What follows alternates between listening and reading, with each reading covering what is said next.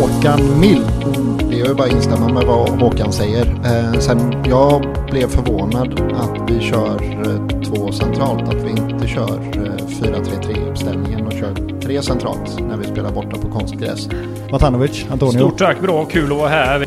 Och det ser vi nu att det börjar faktiskt spenderas. Vad kan man ta med sig då? Jag tar med mig att Sebastian Eriksson spelade 35 minuter allsvensk fotboll. Då säger jag hej och välkomna till eh, Kamratpodden avsnitt nummer 15. Och idag har vi en comebackande Marcus Vulkan med oss som kommer direkt från Frölunda Borg. Hur är läget? Eh, jo då, det är ganska bra. Eh, en överraskande sak på hockeyn var ju att Blåvitts chefsscout Stig Torbjörnsen dök upp där och satt och spanade på tyska hockeylirare. Det, jag vet inte om det känns skrämmande eller roande.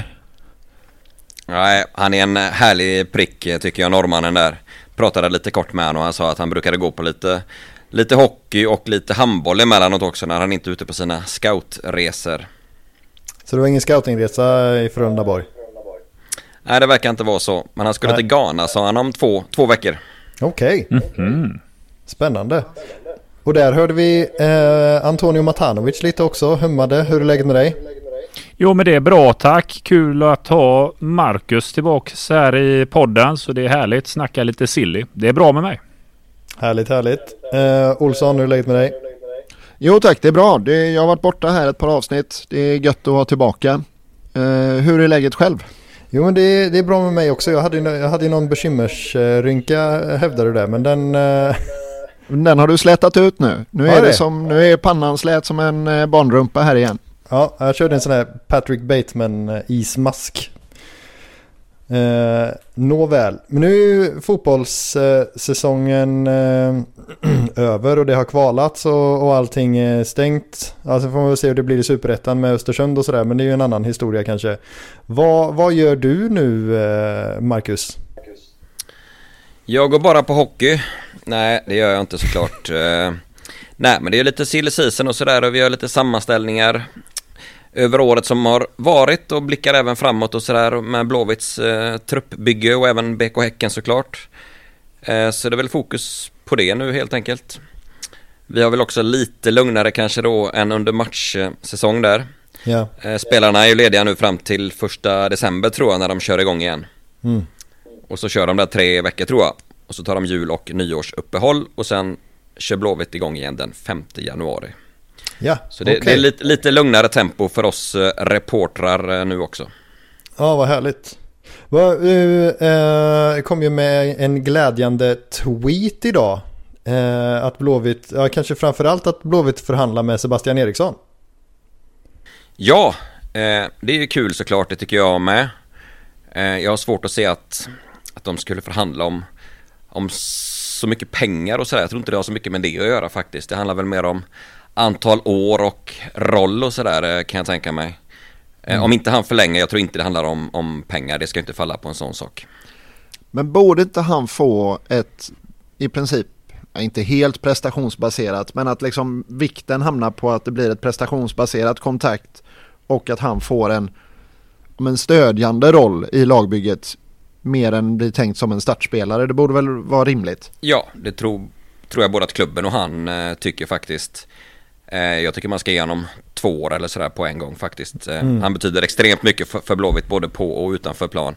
Jag tycker han var en av Blåvitts bästa spelare under hösten faktiskt och verkligen tog kliv. Så han är långt ifrån från slut. Och sen när man går upp och kollar på en träning på Kamratgården, alltså han hörs och syns mest av allihopa och ser till att hålla uppe lägstanivån när det kommer till inställning och arbete och sådär på planen. Så nej, Blåvitt borde definitivt eh, förlänga med honom tycker jag. Mm. Och så var det Oskar Wendt också. Precis, det är väl lite samma där egentligen då. Eh, det är väl ganska uppenbart att han inte är nummer ett på vänsterbacken nästa år. Sen får man väl se vad, vad han själv eh, tycker om det då, vara backup till Trondsen. För han har de ju inte värvat in för att sitta på bänken direkt. Nej, Nej. men skulle man kunna tänka sig Oskar i på någon annan position? Ja, ett snäpp eh, längre upp i så fall i banan kanske. Jag träffade ju faktiskt eh, eh, Tobias Sana privat och han sa ju att eh, Oscar Wendt hade varit överjävlig i allsvenskan som eh, innermittfältare. Ja, kanske. Han är väl innermittfältare i grund och botten från början tror jag alltså. Ja, det kanske hade varit något. Um, men ja, precis. Men, men kan det också handla om en sån där förhandling då om att man kanske ska slippa kuska runt med U21 och dylikt? För det kan jag tänka mig att man inte vill göra som 37-åring. 38 kan, blir han. Ja, kanske. Eh, det är nog inte jättekul när att åka och spela bortamatcher med U21. Det har du helt uh, rätt i. Sen är det väl ingenting som är i mål då, utan de, de förhandlar ju fortfarande bara, bara med båda två då. Mm. Men det tyder ju ändå på att, att, att båda parter öppnar för en fortsättning så att säga. Antonio, du sitter och är tyst här. Är det rätt eller fel av föreningen?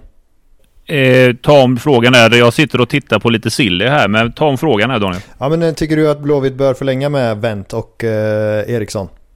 Ja, alltså Eriksson tycker jag absolut att man ska förlänga. Men jag tyckte han hade en eh, bra höst. Eh, det är en spelare som de senaste omgångarna nu när Blåvitt eh, kräftade ordentligt här nu på sina matcher tycker jag att Sebastian Eriksson är den spelaren som har utmärkt sig positivt. Mm. Eh, jag tycker han har varit väldigt bra i sitt spel. Han har varit väldigt enkel och, jag, och det är något vi har saknat. Han har varit väldigt enkel, varit väldigt raka passningar, bra passningar. Kanske mm. inte att adressen alltid har varit rätt, men jag tycker att han har gjort det som förväntas. Och vi måste ju också ha en bredd i truppen med och det vore konstigt att inte förlänga med Sebastian Eriksson. Han vill och vi behöver ha också en bredd för att hantera skador. Så absolut, det ska man förlänga med. Jag tycker att Oskar Wendt ska få förlängt. Men med affären utav eh, Tronsen nu som vi tog från Trabzonspor så är det väl skäligt att tro att norrmannen eh, går in som vänsterback här nästa mm. säsong. Och att eh, förhandlingen med Oskar Wendt är väl nog att du kanske får räkna med att kanske inte vara given i elvan nästa säsong. Men mitt problem blir då att då har vi Alai Chassem. Högerfotaren då? Ja, precis. Som då ska vara tredje alternativ på vänsterbacken. Kan han och... inte vara högerback? Vi, där har vi Seb Olsson och Salomonsson. Om inte mm. Seb Olsson går högre upp. Eh, jag ser ju Seb Olsson lite grann i mittfältsposition egentligen efter Hossam Aiesh nu. Själv så beskriver han ju sig som en högerback, Seb mm. Men då, då har vi liksom en irakisk landslagsman som är tredje man på vänsterbacken och antingen tredje eller andra man på högerbacken. Det är ju Men, liksom inte riktigt hållbart. Säger inte det mer om Irak än om Malaj då? Jo, jo visst, det, det är också en, eh, en poäng att eh, han, är, han kan vara motsvarigheten till Somalias bästa bobåkare liksom. Visst är det så. Ja. Samtidigt har han visat då att han håller ju i allsvenskan faktiskt. Mm. Så det, det vore faktiskt trist om han skulle bli tredje valet på båda kanterna. Det, det kan jag hålla med om faktiskt. Det blir ju ett snett eh, truppbygge på, eh, alltså av många anledningar. Dels så visar det att man inte riktigt tror på akademin också. Oavsett om man tror på akademin eller inte så blir det ju Alltså för framtida referenser så, så kan det bli lite lurigt att göra den typen av eh, affär kanske. Och sätta honom som tredje val. Det kan väl bli aktuellt med en utlåning då, kanske mm. i så fall. Men det vore kanske trist att låna ut honom till ett lag i, i superettan då om man ändå håller för allsvenskan. Ja, Lite nej, men det, lurigt det där faktiskt. Det ja. finns en del att klura på just på ytterbacken känns det ju som. Om vi, om vi går i mål med Wendt och inte skolar om honom. Eh, samtidigt ja. så den här norrmannen verkar ju lite skadebenägen så det kanske dyker upp luckor ja, där tyvärr. Jag, jag, tror ju att det är precis det som kommer hända. Sebastian Olsson kommer ju också från en skadehistorik precis som Tronsen och jag, det kan vara svårt att tro att de här spelarna kommer gå helt rena en säsong skadefria. Eh, Oskar Wendt är inte purung heller. Det finns skaderisker. Så jag tror att eh, Alai kommer få speltid. För det, det finns mycket skador i den här truppen. Och Tronsen kan ju vara inne mitt fältare också ska sägas. Just det. Just det, precis. Um, jag tror att vi får lämna den uh, diskussionen uh, där och uh, försöka oss på någon slags sammanfattning av säsongen. Hur, hur upplevde ni den mina herrar? Om Marcus Vulkan kan få börja där. Ja, alltså det började ju rätt bra ändå alltså. Sen tyckte jag att Kalmar-matchen hemma där var en liten, liten vattendelare på något sätt där. Det stod väl 0-0 länge och mm alla i hela världen tyckte att Mikael Stare borde göra någon form av tidigt byte där och gå för segern där. Det var väl bara, bara Stare och Robert Laud tror jag som inte höll med om den eh, analysen där. Men, men, istället då för att fullt ut gå för tre poäng där så blev det ett mål i baken där och en förlust va. Jag tror att det ändå satte nivån lite för fortsättningen där tyvärr. Mm. Eh, sammantaget, Blåvitt blir åtta. Jag vet inte, alltså jag har ju svårt att se att det skulle vara godkänt på något sätt alltså. Mm. Alltså vad har vi? Är det tre poäng bättre än förra året? Fyra poäng. Fyra poäng bättre än förra året.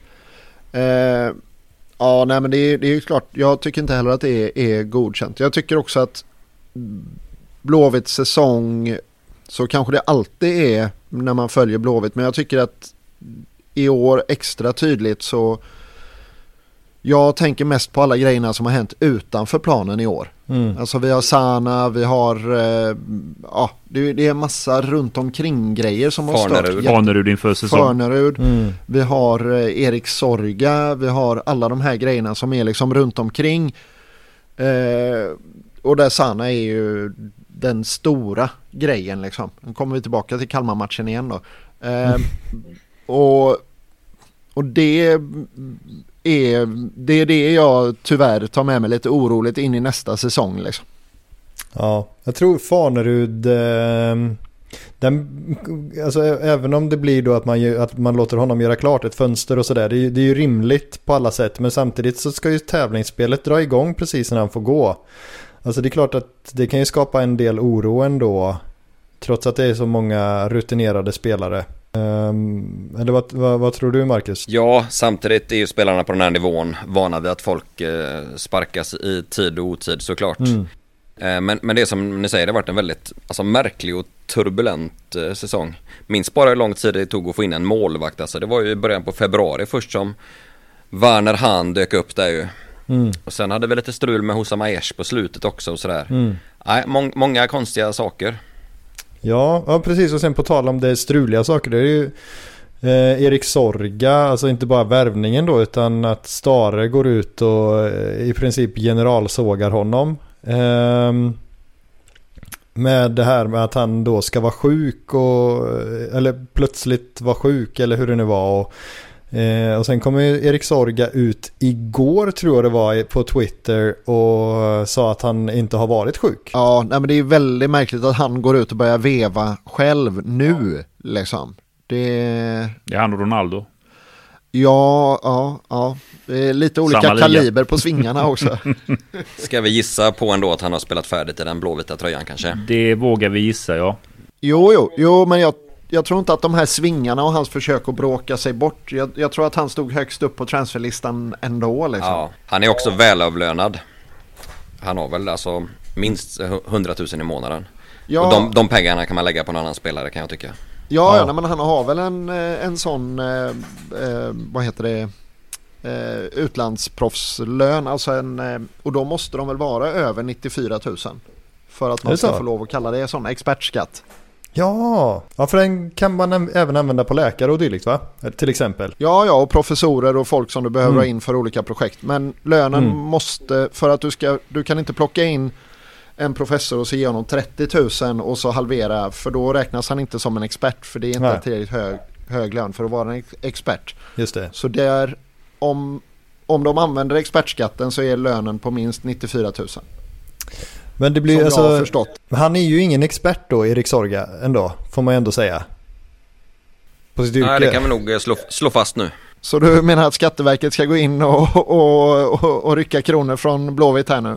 Ja men vad, nej det hoppas jag inte. Men det, det är ju ändå spännande alltså sådär att man, eh, hur, var gränsen går för att få räknas eh, som expert. Men det är en annan diskussion kanske för, för någon skattepodd eller någonting. Antonio, hur, vad tyckte du om säsongen? Ja, utifrån ett blåvitt perspektiv så tar jag med mig att det är ett dåligt sportcheferiår. Vi har egentligen inte lyckats med eh, nyförvärv. Det är Werner Hahn som blev ett jättebra nyförvärv. Eh, det är en av våra bättre målvakter sedan lång tid tillbaka. Jag tänker på Kim Kristensen. Jag tänker på Werner Hahn i den kalibern mm. och den klassen som han ändå levererade. Men Annars så tycker jag att vi har ju haft ett år där vi har chansat oss fram. Det är lite grann den här berömda hyllan vi utgår ifrån att det ska komma in någon spelare som ja, man har lite skavanker och så får vi testa oss fram. Men det blev inte riktigt bra. Eh, tycker väl ändå att Abundans är en spännande spelare. Jag tycker det finns någonting där, den här unge killen. Och jag hoppas att han får lite mer speltid. Men eh, generellt sett, ja, Erik Sorga tar vi ju upp oftast och säger att det, det, är helt rätt. Det blev ingen bra affär, men otroligt besviken på Suleiman. Ja, verkligen. Mm. Det, det blev inte alls bra. Och det är ju såklart att när man värvar en spelare som Ja, men det finns skador så är det klart, det tar lite tid att hitta matchtempo och rytmen. Men jag upplever att Suleiman inte riktigt vet vad han ska göra. Och för mig så är det som så att hade vi haft Poya Asbaghi som tränare, då hade jag förstått att man måste klura lite grann när man ska röra sig på plan. För det är liksom när höger, högermittfältaren har det så ska du befinna dig där. Alltså den fotbollen vi bedriver idag är ganska enkel. Den är inte så komplex. Men jag Nej. upplever att Suleiman inte riktigt vet vad han ska göra. Antingen vill han inte eller så förstår han inte. Men jag vill lägga Suleiman i facket att det här blir inte bra. Även över tid. Framförallt måste han ju kapa några kilon, det är ingen snack om den eh, saken. Ja men jag tänkte precis säga det. Ja, alltså han väger väl 5, 6, 7, kanske till och med 8 kilo för mycket. Och han behöver ju springa av sig under försäsongen här om det, om det ska bli någonting. Eh, alltså det finns tror, ju ändå... Tror, no du, tror du han blir kvar? Det känns inte riktigt som att han det känns inte som att han har hittat sin till rätta här i klubben. Nej, han har inte kommit in i gruppen riktigt heller, är känslan jag har fått alltså. Men samtidigt ska man ge upp redan efter efter de här månaderna? Eller ska man ge det en chans till? Han har ändå kontrakt i, i tre år till tror jag. Jag såg något Instagram-party här. Det var efter Värnamo borta. Så jag, på Instagram la han upp ett klipp. De var ju och körde karaoke då. Eh, Suleiman, Vanerhan, eh, Kanel var där och så Alai då. Eh, får ju konstatera att Suleiman är en otrolig artist på karaoke. Det får jag ge. Han körde ju Snoop Dogg där och jag konstaterar mm. att Kanel är inte stark med mikrofon. Otroligt stelt. Men det verkar som att han ändå det var ändå en kväll man kände, ja men där är en liten gemenskap, men det är ju en grupp som splittras lite grann här nu med Vanerhan då som lämnar, eh, Alai visserligen kvar och Kanel, men jag har inte riktigt heller fått känslan att han har kommit in i gruppen som du beskriver Marcus. Och jag, jag vet inte, jag får bara känslan av att han inte trivs. Nej, så kan det vara. Då är det väl upp till ledarna och eh, även lagkamraterna kanske. Men det, det, är bara en känsla. Ja, och kanske ta tag i, i det då. Mm. Tycker ändå man ska ge honom en ordentlig chans till för att det är ingen snack om att det finns någonting där i grund och botten. Men då måste man börja med fysbiten där kan jag tycka. Tar man med det också, vi är ju inne på det med anfallare. Alltså, det finns ju ett par starka saker man ska ha med sig som i år. Det är, du Christian, vi har ju pratat, du har ju pratat om det i våran tråd och det är ju att för första gången sedan väldigt många år tillbaka så har IFK Göteborg två spelare i topp 10 när det kommer till skytteliga och poängliga. Både Gustav Norlin och Marcus Berg är ju högt upp i år i mm. poängligan.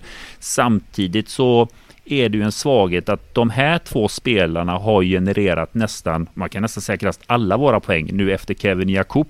Det är ju det att efter de här två spelarna så har vi inga poängspelare. Vi hade Tobias Sana som genererade poäng. Vi hade Kevin Jakob som genererade poäng. Men vi har inte fått poängspelare efter dem som har kommit upp och liksom stått för assisten eller målen. Så vi är extremt beroende av de här två nu. Och Går man in i det här sillyfönstret här nu så är det ju det vi primärt ska skrika efter. En snabb gärna poängspelare för det är för stort gap efter de här två spelarna. Vi har inga som genererar poäng. Det är intressant tycker jag att se hur, hur mycket sämre Blåvitt blev när Kevin flyttade till Danmark. Jag tycker att det är en markant skillnad efter honom alltså. Han ja. hade något dynamiskt där som gav eh, laget mycket. Ja, Nordin Gerzic sa det till mig, för jag frågade honom lite grann i höstas, alltså, vad är det som händer? Och han säger alltid samma sak. Kevin Jakob. Benhårt. Kevin Jakob gjorde mer än vad ni tror. Mm. Han var rörig, han var stökig, han skapade ytor för andra, han trocklade sig fram på ett sätt. När han stack, han är benhård på det, jag menar på, det, när han gick så tappade ni någonting ni inte vet om. Ja, och Stig Tufting var väl inne på att det var ett rån till och med av eh, ja. AGF. ja, Stig Tuftings expertis. Men nej, det finns jättemycket att ta med för Blåvitts del sen säsongen sin helhet. Det är väldigt anmärkningsvärt tycker jag på många sätt om man ska ta den allsvenska tabellen. Men jag tycker att jag tycker ju att vi börjar få en segmenterad topp. Vi har pratat om det länge, men det är väldigt mm. tydligt att det är samma lag som huserar i toppen. Det enda som skiljer sig nu egentligen, det är ju att Kalmar FF kom som en uppstickare egentligen av de här andra lagen. Men annars så har vi samma gäng som huserar där uppe. Nu dock att Malmö tappar det totalt och landar mm. på en sjunde plats. Men annars så ser man samma lag och det gör det svårare för oss för att när samma lag är med om och om igen så blir det ju en rutin och det blir liksom mer pengar in och en stabilare vardag på ett sätt och vi är inte riktigt där. Vi, vi har, ja, även om vi tar fyra poäng mer så säger jag att gapet till övriga lag växer. Ja, men det är ju om du tittar på planen framförallt tycker jag att, eh, alltså jag såg någon, nu kommer jag inte ihåg vilken blåvit match det var, men så eh, satte jag på Djurgården-Häcken efter. Det var ju, eh, det var ju skillnad alltså. Det var nästan smärtsamt eh, att se Alltså eh, frenesin i den fotbollen kontra det som, som Blåvitt bjöd på. Alltså det är inte bara det att de tar fler poäng, de gör ju på ett helt annat sätt. Eh, en fotboll som Blåvitt inte riktigt är med i, upplever jag. Jag håller med fullständigt alltså.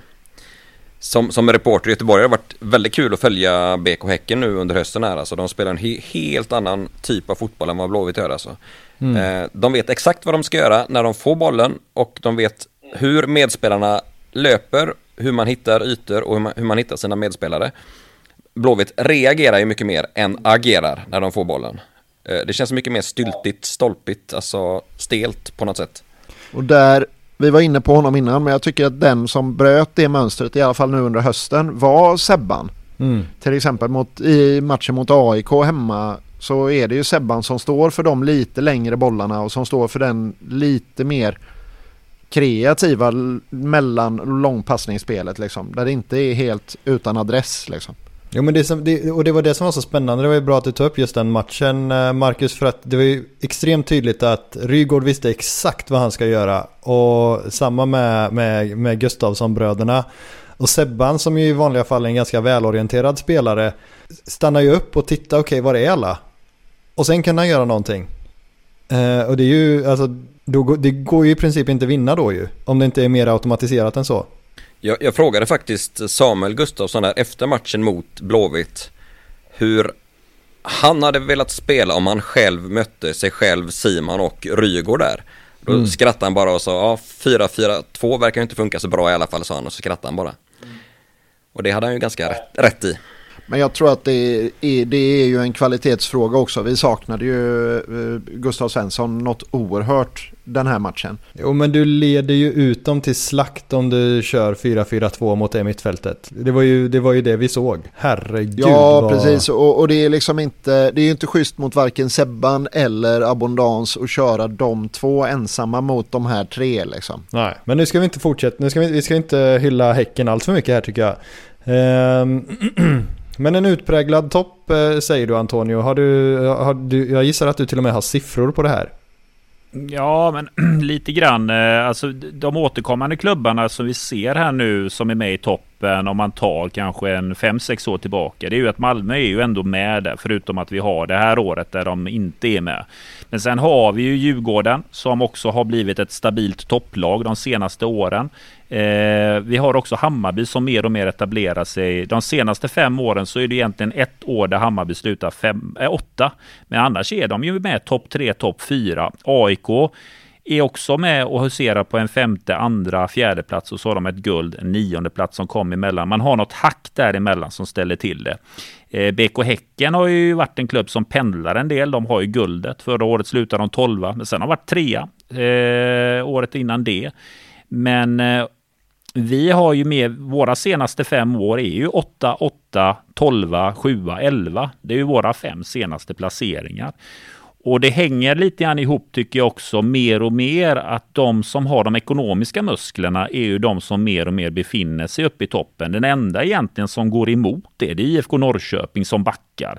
Men där är det ju mer ett led, det är ju mer hur klubben hanteras just nu som man ser på det sportsliga jag tror vi kommer fortfarande se det här att de klubbarna som har lite mer ekonomiska muskler, de har råd i att man kan misslyckas med en spelaraffär. Man kan alltid värva in någon annan däremellan och så reder det sig över tid. Vi har ju inte riktigt det kapitalet ännu där vi kan chansa att investera dyrt på en spelare om vi inte tar in externt kapital. Och det är ju det som skiljer sig. Alltså lite krasst är ju det att vi behöver ju landa, tycker jag, i ett vägskäl där vi Alltså vi, vi, det är tråkigt att säga det, men vi, vi, behöver mer pengar. Vi behöver en starkare ekonomi. Man ska inte underskatta det. För det gör också att man kan göra lite tuffare investeringar och hitta mer rätt. Just nu så det är ett svårt sätt att hitta spelare och göra fynd hela tiden. Det kan, det kan landa rätt ett år. Det kan landa rätt att man plötsligt kommer topp fyra. Men ska man vara med i toppen kontinuerligt här nu så går ekonomiallsvenskan och den allsvenska sportsliga placeringen hand i hand verkligen över tid. Så eh, det, det känns lite grann som att det är IFK Göteborg nu om vi tar IFK nu som exempel, det är att just nu sitter man och jobbar med en ny affärsplan. Det klubben behöver göra här, det är ju verkligen sätta vad är det vi vill här nu de kommande åren? Är det att vi ska, är det ambitionen att vi snabbt ska ta oss uppåt eller är det att vi ska fortsätta att växa ekonomiskt för att ta kliv? Jag tycker ju att vi ska gå efter det Djurgården har genomfört sin resa från det att man eh, egentligen när Bosse Andersson kom tillbaka. Den resan de har gjort egentligen från 2012 och framåt. Den är imponerande och den är rätt. Du tänker att Micke Stare är våran Pelle Olsson? Ja, men alltså, jag kan säga så, så på, trä, ja, men på tränarfrågan. Jag kan säga så att säg att vi hade sparkat Micke Stare den här sommaren, om vi tar det lite krast. Jag anser inte att vi hade landat mycket bättre ändå. Jag anser inte att truppen vi har idag är mycket bättre än den placering vi har idag. Kanske om vi skulle fått någon annan takni, tek, taktik och uppställning. Vi kanske hade kunnat gå upp någon plats. Men jag anser inte att vi har truppen för att ha en Europaplats. Det tror jag inte. Vare fast... sig om det är Stare på bank, bänken eller någon annan. Fast jag, då, jag skulle nog, jag tror att eh, om Rydström nu blir kvar i Kalmar så tror jag att han kommer uh, kunna uh, göra, göra det bra med Kalmar uh, nästa säsong. Jag, tror inte, jag skulle inte säga att Blåvitt har en sämre trupp än Kalmar. Så det, jag tror ju fortfarande att man, jag tror inte att man kan liksom ta vilken trupp som helst och, och spela den till ett SM-guld. Men jag tror att man, det finns ju ändå utrymme för att överprestera. Ja, men alltså jag tittar lite grann på, jag tycker att vi har inga poängspelare. De här spelarna som vi har idag i elvan är ju inte några som har öst in poäng om vi tar elvan nu. Ska jag kritisera någonting med taktik och någonting som jag tycker inte har varit bra nu med Mikael Stare, så är det ju pressspelet som vi har i våran defensiv, där vi är innanför straffområdet när motståndarna kommer fram. Vi tillåter motståndarna allt för ofta att få göra ett distansskott istället för att stå utanför straffområdet. Jag tycker vi backar hem alldeles för mycket och det är ju taktiska saker man kan vrida på med befintlig trupp. Men kring det offensiva så tycker jag inte riktigt att vi har ändå Ja, vi kan ge bättre understöd. Men tveksamt om vi skulle få ut så mycket mer poäng med den truppen vi har idag. Vi har några guldkorn som kan utvecklas här nu till nästa säsong. Jag tror fortsatt mycket på Kanel och sådana unga spelare, att med speltid blir de bättre. Men eh, ja, vi behöver få in nya, en, ja, vi behöver värva mycket den här vintern för att det ska bli en större skillnad. Ja, vad säger du Olsson? Nej, men jag tror att ska man överprestera med en allsvensk trupp eh, över tid och liksom eh, leverera resultat som är större än summan av delarna så att säga. Så behöver man ju det som Rydström har, det vill säga att han har jobbat med den här gruppen först som ungdomstränare i Kalmar och sen så när de kommer upp på seniornivå så kommer han tillbaka till Kalmar. Så han har ju haft dem egentligen jättelänge den här gruppen. Ja, några av och jag tror att det är det som är nyckeln till att han får dem att flyga så pass högt.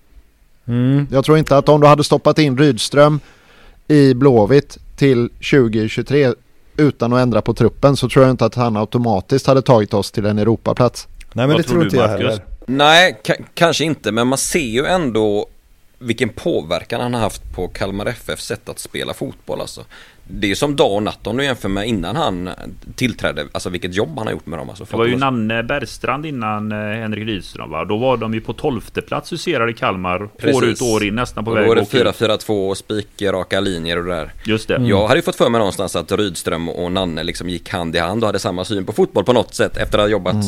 ihop så länge. Men de har he helt motsatt eh, samsyn på fotboll. Mm. Ja, den är, det är ju jätteintressant. Men är det inte lite dumt då om man då tänker att man ska gå på Antonios eh, spår här? Då blir det ju helt fel att spela eller att sätta Alai som tredje alternativ till exempel. Då måste man ju, som man gjorde i våras med Wilhelmsson. För det kunde man ju se att Norlin var ju på gång redan då. Han, han kändes ju het ju, men det var ändå Wilhelmsson som fick starta.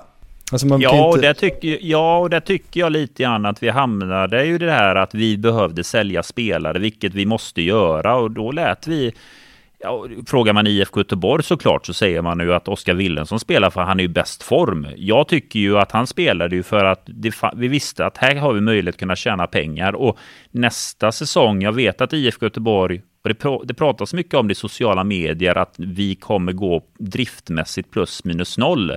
Men jag håller inte med. Och Håkan Mild sa det själv i den här podden. När vi frågade han i somras just om driften så sa han ju det att nu satsar vi ju lite grann.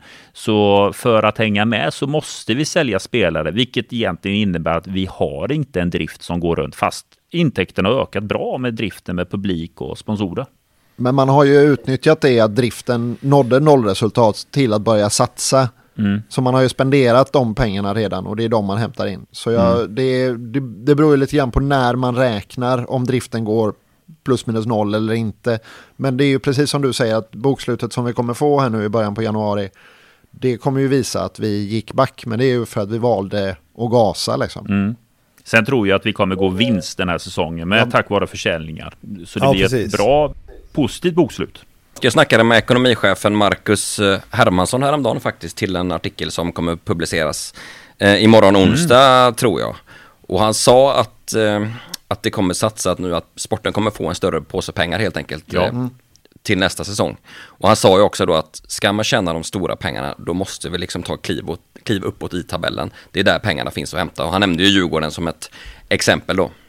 I vilket sätt nämnde han Djurgården som exempel? Var det alltså hur man hade jobbat med ekonomin över tid? För jag tycker den är imponerande hur man har byggt upp en kassa, hur man valde att jobba med spelare över tid. För Djurgården gjorde ju den resan att man man valde att värva en viss sorts spelare. Man tänkte ju inte att nej, men vi kommer inte vara med i toppen nu. Nu ska vi satsa på unga spelare som vi kan sälja och bygga upp ett rykte. Sen började de här 30-40 miljoners affärerna dyka upp och nu är man ju i det läget där man värvar spelare som man vet att men de här kommer man inte sälja och säljer man det så är det inte för några pengar. Det här är bara, nu, nu lägger man liksom sporten, sporten, sporten högst. Vi har resurserna för det. Nu föll det ju väl. Det blev ju lyckat med Europaspel. Eh, men jag tycker att det de har gjort över tid är att de har byggt upp en sån bra grund att de satsar rätt. Många pratar om Hammarby, men jag tycker att Djurgården gör en mycket sundare resa än vad Hammarby gör. Hammarby är ju mer på det offensiva, det är lite mer populistiska, göra 20 miljoners värvningar. När man frågar Djurgårdens vd vad man ska göra med eh, Conference League-pengarna så är han väldigt tydlig. Det ska in i föreningen. Vi ska utvecklas som klubb. Eh, vi pratade ju med Peter Svanström som bland annat nämnde ju att de ska anställa heltids... Eh, det blir heltidsanställda personer inom akademin. Det är det man ska lägga pengar på. Då både för dam, dam damsidan i synnerhet. Det var fem stycken som skulle anställas som inte jag helt fel. Ja, och det, det är ju en satsning som är anmärkningsvärd hur man jobbar där och det tycker jag är rätt. Malmö FF har gjort också klokt med sina pengar. Man valde ju att amortera på arenan eh, för att inte ha några skulder och skippa räntorna och göra Antonio, investeringar. Nu blir det många frågor igen här tror jag. Ja. Um, jag, jag, tänker på frågan till, uh, alltså vad, vad Hermansson uh, berömde Djurgården för. Nej, han nämnde väl egentligen Djurgården mest som ett exempel för att visa hur mycket pengar man kan tjäna om man tar de här topplaceringarna mm. och kommer in i då Conference League då. Men det är ett väldigt stort kliv kan jag ändå tycka. Att komma topp tre, det, det, kräv, det är ju en ganska lång resa ändå att gå från åtta till tredje plats. Mm. Ja, särskilt om man ska ha tredje, fjärde plats som en stabil nivå. Det är klart man skulle kunna, om vi träffar rätt nästa år, göra som Kalmar liksom och, och, och studsa upp och sen falla mm. tillbaka igen kanske. Det, det är väl hur man hittar det här receptet som Djurgården verkar ha hittat en stabil grund liksom som de klättrar från. Men jag tycker man gjorde rätt med Oskar Willemsson att han fick spela, för det blev ju ändå en pengasäck utav det. Hade han inte fått spela så hade han nog inte hamnat i Darmstadt och vi hade nog inte fått de pengarna som vi fick. Nej, så kan det vara. Några som kommer få det lite tuffare med driften kan man anta är ju eh, Helsingborgs IF och GIF Sundsvall. Eh, vilka, vilka var sämst där och är bottenlagen sämre än någonsin? Vad säger ni om det? Nå någonsin är väl svårt att säga så men alltså det känns ju som att som du sa innan Antonija att glappet har ju ökat eh, markant alltså. De två senaste åren så har det varit som så att i år slutade ju Helsingborg på 15 plats, det vill säga precis under kvalplatsen. Och då hade de 14 poäng upp till eh, kvalande Varberg då. Mm. Året innan så hade det varit Örebro som hade 14 poäng upp till Halmstad. Som fick eh, kvala. Men däremellan när man tittar åren tillbaka så har det ju alltid varit att det kanske är två, tre poäng upp till kvalplatser. Det har alltid varit en bottendramatik såväl som det varit en gulddramatik. Mm. Men jag upplever att de senaste säsongerna och i synnerhet de här två så har vi verkligen fått usla bottenlag. Mm. Och jag tror att det kommer vara en trend som mer kommer hålla i sig än att vi får att det kommer vara väldigt jämnt upp till kanske säker mark som det präglade allsvenskan förr. Och att vi verkligen får eh, rejäla bottenlag och rejäla topplag. Och det är ganska sunt egentligen, för så ser ju fotbollen ut runt om i Europa. Att man har ett par rejäla bottenlag eh, och vi börjar få det i Sverige med. Mm. Då kanske Håkan börjar med sin eh, gamla mantra om att vi ska halvera allsvenskan och möta varandra fler gånger. De åtta bästa klubbarna som han körde när han var sportchef sist. Just det, det gjorde han ja. ja. Eh, just nu så hade vi ju levt jävligt farligt då. Men eh, de, de, var ju horribla, både Helsingborg och GIF Sundsvall naturligtvis. Det, det, det, det måste man ju säga. Och, och torska mot båda dem är ju ett underbetyg såklart. Ja, precis. Det, det är det verkligen. Och särskilt, särskilt Sundsvall och torska mot dem när de redan är avsågade och det är färdigt. Det, mm. det är för dåligt, även om det är borta på konstgräs uppe i Norrland. Liksom. Helsingborg såg nästan ut som ett topplag på Gamla Ullevi mot Blåvitt faktiskt. Eh, ja. Det är lite trist att de åker ur eh, kan jag tycka. Så det brukar vara härliga resor ner till Helsingborg och kolla på allsvensk fotboll på Olympia med god stämning och sådär. Granqvist två foten snackas det om. Ja, det är väl inte alls ologiskt. Nej, så är det. Men känns det inte som att de gick upp ett år för tidigt? Gud ja. Ja, kanske. Och så fick ju Jörgen sparken också för tidigt eh, kan jag tycka. Så. Mm.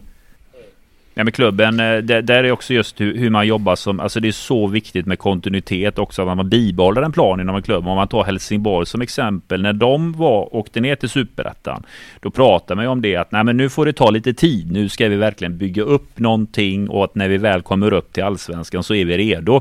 Mm. Och sen var det ju en bra halvlek mot Halmstad bollklubb som gjorde att de tog sig upp från kvalet och samma trupp med lite nyförvärv in sitter de och säger i klubbledningen, ja men det här är ju ett mittenlag och Jörgen Lennartsson undrade vad fan hände här? Och sen fick han ju snabbt foten och sen gick det ju ändå som det gick. Men det är ju, man har en skev bild och jag tror att, jag tror inte att Helsingborg kommer tillbaks till allsvenskan. Jag tror att det är för rörigt och det man ser också är att de klubbar som åker ur allsvenskan nu, det är en ganska tuff resa tillbaka. Örebro var ju nästan på väg att åka ur superettan här för tusan och det, det, det är svårt i superettan. Många har ju alltid pratat om att det kan vara bra, jag har läst det förr, det kan vara bra med ett år i superettan och börja om. Det finns ingenting bra med det Nej, alltså. Visst är det så. Ingenting och det, det, när du åker ner där så det är ju ingen som har respekt för dig som kommer ner från allsvenskan. Alltså du, de jagar ju dig så in i bomben. Det finns ju ingen relax zone överhuvudtaget. Det är egentligen Halmstad bollklubb som har hittat receptet hur man pendlar mellan allsvenskan och superettan. Men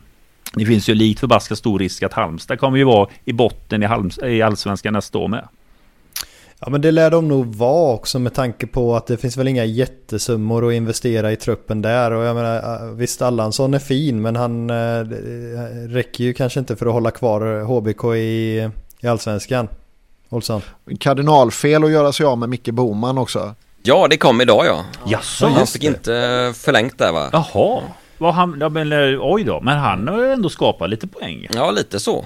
34 år, men känns som att han är runt 40 typ, men det är han inte tydligen. Han har varit med ett tag, Boman. Ja, men det känns ju som att en sån där kille kommer nog landa i någon annan klubb i uh, Superettan kanske. Det lät som att han skulle bli säljare på heltid faktiskt. Jaha, Jaha. Inte mäklare som uh, Lukic där som hoppar tillbaks till karriären. Där. Ja, han är målvakt nu ja, igen. Ja, det är riktigt. Det... Han suger på ett år till. Ja, det får man ge Det är otroligt. Ja, sen han, han, tog ju det han skulle ta tycker jag i de här kvalmatcherna. Det var ju, han är ju ingen fantom. Ja, det är 42 jo. också. Ja, ja nej, men jag, jag, jag, jag har inget ont att säga om Stojan Lukic. Eh, jag har stött på honom på gymmet några gånger när jag har varit i, i Halmstad och sådär. Jag har aldrig sett någon mer noggrann eh, med just stretchen efter ett gympass. Jag, tror han stretchade lika länge som, som jag var på gymmet ungefär. Ehm. ja, det är det som skiljer den. Det är det som skiljer den. Blåvitt då. Blev det ungefär som, eh, som man trodde på förhand? Eller vad, vad säger du Marcus Vulkan? Du menar med tabellposition och sådär eller? Ja, jag trodde nog Blåvitt skulle vara med lite högre upp i alla fall, lite längre också. Mm. Uh, Ja, nej, fyll på. Alltså, jag vill inte att ni går tillbaka och kollar mitt bandade tips här i våras. Men jag tror ändå att jag sa någonstans i de här regionerna. Men det som jag retar mig på är sättet som vi hamnar, sättet som vi blir åtta liksom. Det känns mm. inte som... Jag hade velat se lite utveckling och att det finns någon stabilitet i det. Och det känns, det känns som att nu bygger vi nytt ett år igen. Och, och ska jag sitta här och tippa i februari nästa år så kommer jag nog, om de inte landar ett jättenyförvärv så kommer jag väl gissa, ja men sexa till åtta nästa år igen. Och ja, nej men eh, så jag, de landar väl ungefär där jag trodde fast på ett eh, rötet sätt. Ja men jag tar med mig, jag sa ju att vi skulle sluta sjua i år, men jag tar med mig ett par saker här och det är att Eh, Mattias Bjärsmyr sa i det förra avsnittet att det som var i fokus när säsongen började, det var att vi måste sätta försvaret. För vi släppte in alldeles för många mål förra året, var han väldigt tydlig med. Och det var ju det som jag tänker på hur våras var. Det var att vi var extremt defensiva i vårt sätt att spela fotboll. Vi hade också centrala mittfältet så långt ner. Men försvaret höll ju väldigt bra. Vi hade dock svårt i att skapa mål. Men det som jag tar med som jag upplevde var positivt, det var att när defensiven satt så hände någonting där på sommaren där vi plötsligt började skruva upp oss lite grann.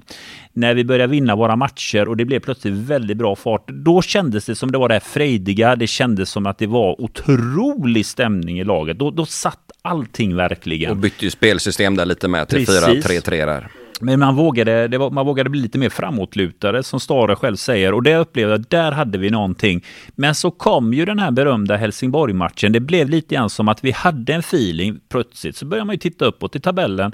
Men Helsingborg blev på något sätt en riktig spark och efter det reste vi oss inte riktigt därefter att då försvann mycket av, jag säger inte att spelarna trodde på en Europaplats för de säger vi tittar ju aldrig på en tabell, men det var ett go i laget och man hade någonting i sikte men så försvann det och så blev hösten som det blev att vi hamnade i en ingenmansland utan att ha någonting att strida för och det är det sämsta som finns egentligen när man möter lag som har något att strida för. Det är ju den mentala lilla skillnaden som avgör det hela. Alltså jag tror också att vi mötte Norrköping i precis rätt läge för oss. Alltså att de var aldrig så dåliga under säsongen som de var under de här två dubbelmötena med oss. Så vi trodde helt enkelt att vi var lite bättre än vad vi var. Och det straffade sig sen. Ja, nej, jag, jag, tycker vi var lite bättre. Jag tyckte vi, jag, Norrköping var inte bra, jag håller med dig. Men jag, vi måste vara, jag vill vara lite positiv och säga att vi hade moment där någonting hände. Men tyvärr så fick vi, jag återkommer till det där i att vi fick inte till det med våra nyförvärv heller. De här nya som skulle komma in och ge injektioner lyfte aldrig, kom aldrig in i elvan. Förutom Vannerhan, briljant. Men jag tänker på spelarna in mittfälten och det offensiva. Det är ju den injektionen du behöver också i truppen och det blev inte bra, tyvärr. Nej, och det är att Stare lät Markovic eh, starta i princip direkt efter bara någon enstaka träning med laget. Och då fick ju Norlin flytta på sig som dessutom var formstark ju i det läget. Det. Ja, mycket märkligt eh, kan jag tycka. Mm. Ja men det är rätt intressant för den där eh, Helsingborgsmatchen den är ju faktiskt Nu var ju Kevin borta till redan till Hammarby-matchen Men det är ju Det skulle ju kunna vara där någonstans det vänder också alltså han, han, han försvann ju till uh, Bayern borta var det va? Eller var det hemma? Um, Och sen Helsingborg-matchen var ju inte heller med. Ja, det kanske det var. Eh, alltså, och, och, och ersattes då egentligen av eh, Markovic. Eller, eller hur det nu blir med tanke på Norlin och sådär också. Det är ju en uh, rätt stor förändring ändå. Ja men det är en jättestor förändring sett till form. Men det är också en jättestor förändring sett till formation. Mm. Eh, och, och, positioner. Så det är, äh, men det är väldigt märkligt tycker jag. Eh, hela Eman-grejen är ju... Nu såg han ju bra ut på slutet men eh, ja, nej, nyförvärven klickade. Nej, men Markovic, om en sån, sån spelare, jag tror han kostade 4 miljoner pratas det om. Men jag tycker att Markovic, det är en helt okej okay spelare, men det är en sån här spelare som är bra att bredda truppen med, beroende på vilken plats vi pratar i tabellen. Ska IFK vara med i toppen så är Markovic bra att ha i truppen. Jag tror tror tyvärr inte att det är den spelaren som gör den här skillnaden för oss. Att det kommer vara det som gör att vi klättrar. Det tror jag inte. Han är en eh, bra spelare men inte den här spetsen. Men det är klart, det är ju ett silly season som ska in där och det kan hända en del. Han är okej på det mesta skulle jag säga. Varken mm. mer eller mindre egentligen. Någon allsvensk eh, toppspelare är han verkligen inte än så länge. Nej. Där kan jag tycka att klubben agerar lite märkligt då. Tydligen ville Kevin ha rätt så bra betalt för att, att stanna. Mm. Och det ville väl inte klubben ge honom. Och samtidigt var han väl sugen på att tjäna ännu mer pengar då i Danmark eh, mm. kanske. Men att inte då ge en sån kille vad han vill ha istället för att lägga 3-4 miljoner bara i, i eh, övergångssumma på... Plus en sign-on också plus en sign, får vi lägga på Precis, där. på Markovic. Det kan jag tycka är lite märkligt att det känns som att det finns någon form av prestige och inte ge en egen spelare bra betalt, men istället lägga minst lika mycket pengar på en annan spelare. Men är det, väl, det är väl ett, eh, det är väl ett ganska, det händer inte bara i Blåvitt det här, jag tycker att det händer även i andra allsvenska klubbar, att man generellt sett är ganska dålig på att ta den här diskussionen och ge de egna produkterna, liksom, som du säger här, en ganska hög löneförhöjning utan istället sticker de och så hittar man kanske någonting från utlandet i det här mm. fallet eller en konkurrent. Det, det, är ett återkommande fenomen och jag skulle nästan vilja se lite statistik på det där men det är en känsla jag har att ja. det händer allt för ofta. Sen så är det väl jättesvårt att matcha danska klubbar i och med att de ja, har en annan ekonomi plus att Kevin när han kommer dit så får han expertskatt där. Såklart. Som han ju inte får här. Så det, det kostar ju väldigt, väldigt mycket att matcha dem. Men, eh, men jag kan också tycka att det är märkligt. Eh, han kanske hade stannat för en okej okay allsvensk lön så att säga. Ja, men precis för att sen kan steget därefter bli en annan ja. liga än danska ligan. Eh, för det är klart, danska ligan har ju tagit sig, men man vill ju inte tappa spelare till danska ligan. Det är ju annat om vi hade tappat till de större ligorna runt om i Europa kan jag tycka. Kan det vara så att man oroar sig över omklädningsrumsdynamik? Liksom? Att eh, här kommer Kevin med ett nykritat kontrakt med en mycket högre lön och helt plötsligt så ska han in någon annanstans på hierarkin alltså det vore i omklädningsrummet. Nej, alltså det vore ja, jättekonstigt för mig. Det är ju mer en belöning att visa att man kan ta kliven. Det blir ju mer en förebild tycker jag. För Kevin var ju nyckelspelare när han lämnade skulle jag säga. Så... Ja, men jag tycker det, det, är ju, det, det, är ju ett signalvärde i hela föreningen, liksom att man tar kliven upp där och jag tycker det är starkare än om vi nu säger till exempel att man plockar in en extern spelare som aldrig har satt sin fot som får en topplön utan att visa egentligen vad han har för CV. Så tycker jag det är väl lite mer beklämmande än om att satsa eget. Nu vet vi inte exakt hur de här, jag vet inte själv exakt hur de här förhandlingarna gått till, men generellt sett så tycker jag att allsvenskan och flera klubbar är dåliga på att ta hand om akademispelare här. Och, och spelare som man redan vet fungerar i laget. Han visar ju mm. att, han, att han absolut håller. Absolut, absolut. En annan intressant aspekt på det där är ju också den uh... Jag kommer ihåg att du skrev en text om det, Marcus, hur mycket Blåvitt hade betalat för varje poäng som Hossa Majers bidrog med. Uh, nu kommer inte okay. jag ihåg, uh, jag kommer inte ihåg den Nej, siffran. Jag kommer knappt ihåg det själv faktiskt, men det kan nog stämma. Ja. Ja, ja, det har du gjort i alla fall. Och den siffran var ju ganska hög och den får man ju då eventuellt applicera på Markovic också. Den, alltså, han behöver ju göra väldigt många poäng för att han ska bli billigare per poäng än vad Kevin hade blivit så att säga. Det är ju också ganska dåligt affärsskap. Ja, det är väl bara att skriva under på det va? Ja, nej men så, så är det ju. Eh, och, och det går, liksom utan att peka finger åt något håll så är ju nu Markovic, vad hans slutnota blir i krona per poäng, den vet vi ju liksom inte. Men, eh, men Hossams, det, det är ju liksom inte Hossams fel att han är en flopp. Men det är han ju ändå. Ska vi hoppa in i Silly nu när du ändå är på Hossam där, Daniel? Ja, det tycker jag att vi gör. Um, och där har ju jag uh, ganska dålig koll får jag erkänna. Men Marcus, vad, vad hör du? Det känns ju som att den har börjat ganska rappt i år, Sillin ändå, för Blåvitts del och även andra allsvenska klubbar. Ja, lite så, men allsvenskan slutar ju tidigare i år också ja. än mm. i fjol då såklart. Eh, alltså det kommer hända mycket i Blåvitt. De kommer ta in tre, fyra eller kanske till och med fem spelare till. Eh, det har ju redan hänt en del. Vi har ju ja, på ledarsidan har vi nya personer in. Lee Baxter och eh, William här nu eh, igår aviserades ju ja, precis. in. Och, och Hannes Stille blir team manager där. Just precis. Så de utökar ju staben lite grann kan man säga då. Ny målvakt från Brommapojkarna, 17-åring in och så har vi även då Tronsen och sen har vi ju spelare ut. Eh, jag, upplever, jag personligen upplever att det är ganska full fart direkt här nu. Hur upplever du det? Jag håller med helt. Det är väldigt stor uh, spelaromsättning. Mm. Blåvitt hade ju 30 spelare tror jag kontrakterade i år alltså. Och de ska ju banta truppen till mellan 23 och 25 namn i, i tanken. Mm. Och man vill ha in en fem spelare också så då är det ganska många som ska lämna totalt sett då. För jag upplever ju att om man tittar nu lite grann hur vi har haft det de senaste säsongerna. Vi har ju haft olika sportchefer, vi har haft en annan klubbdirektör. Nu har vi ju Håkan Mild, han kom in förra året, men då hade vi ändå Pontus Svanerud som sportchef. Det är ju inför den här säsongen som Pontus fick gå.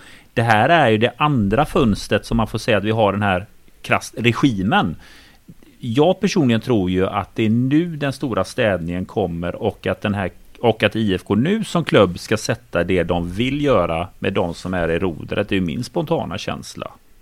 Men här, det här är jag lite nyfiken på det som du är inne på nu. Det här med, med Fanerud och, och Mild och Hermansson och sådär. Alltså Marcus, när du vänder dig till Blåvitt med, med sportcheferifrågor sånt som du hade gått till eh, Eriksson med i Häcken. Vem då vänder du dig? jag mig till Håkan i så fall. Ja, kan inte, han, kan ju inte svara på alla de frågorna ändå för han säger att ja, det är inte riktigt mitt bord detta typ. Det får du ta med Star typ eller sådär. Mm. Men, så det är inte lika tydligt som det var tidigare då. Det, det är väl något jag känner att jag kan sakna med faktiskt. Att man har en person att gå till. Nu är det lite mer spretigt. Men det känns ändå som att det är Håkan som har sporten någonstans. Så, Eller det... så känns det ju. Men ja. ihop då med Stig och även med Stare då såklart. Då. Mm. Mm. Men ingen snackar om att Stig har en nyckelroll i detta då som, som chefscout då. Ja, men för jag tror ju att det, det är väl det som är nackdelen till att man inte har haft en kontinuitet i en klubb. Att vi har haft så, det har ju varit varierande, vi har haft olika inriktningar i hur vi ska spela fotboll och då kräver mm. det också att man har en viss typ av spelare. Och nu när vi ska spela den här typen av fotboll så anser jag ju att vi inte heller har haft rätt spelare. Vi pratar ju alltid om att titta i det berömda kylskåpet, att vi inte haft rätt ingredienser för det. För mig så är till exempel, jag associerar ju Mikael Stare väldigt mycket med snabbhet. Det ska mm. gå fort och jag tänker mycket på den förra sessionen när han var här, vilket otroligt kantspel vi hade. Vi är ju inte där med den. Stare vill ju ha en väldigt god defensiv struktur, men det ska gå fort när vi väl sätter igång spelet och det ska gå väldigt, väldigt snabbt. Och det är väl det som jag tror att klubben tittar på väldigt mycket. Att det ska vara en otro... Vi måste förändra hela alltså, hastigheten och hur vi ställer om vårt spel. För det ja. har vi ju inte idag. För jag tror inte Stare har ändrat sin fotbollsfilosofi i grunden. Vad han vill ha för typ av fotboll. Snabbhet och yngre spelare. Det är väl det som de söker framförallt nu tror jag. Ja. Mm. Mycket rykten in. Alltså vi, det pratas ju om att vi tittar på bland annat en spelare från Brommapojkarna som Djurgården hugger i. Och det... Han kommer nog välja Djurgården. Vad som alla Brommapojkarspelarna ja, gör. Om han återstannar ett år till i BP kanske då. Men det mesta talar för att han väljer Djurgården. Mm. Är vi ute och fiskar efter Carolasson? Uh, vet ej.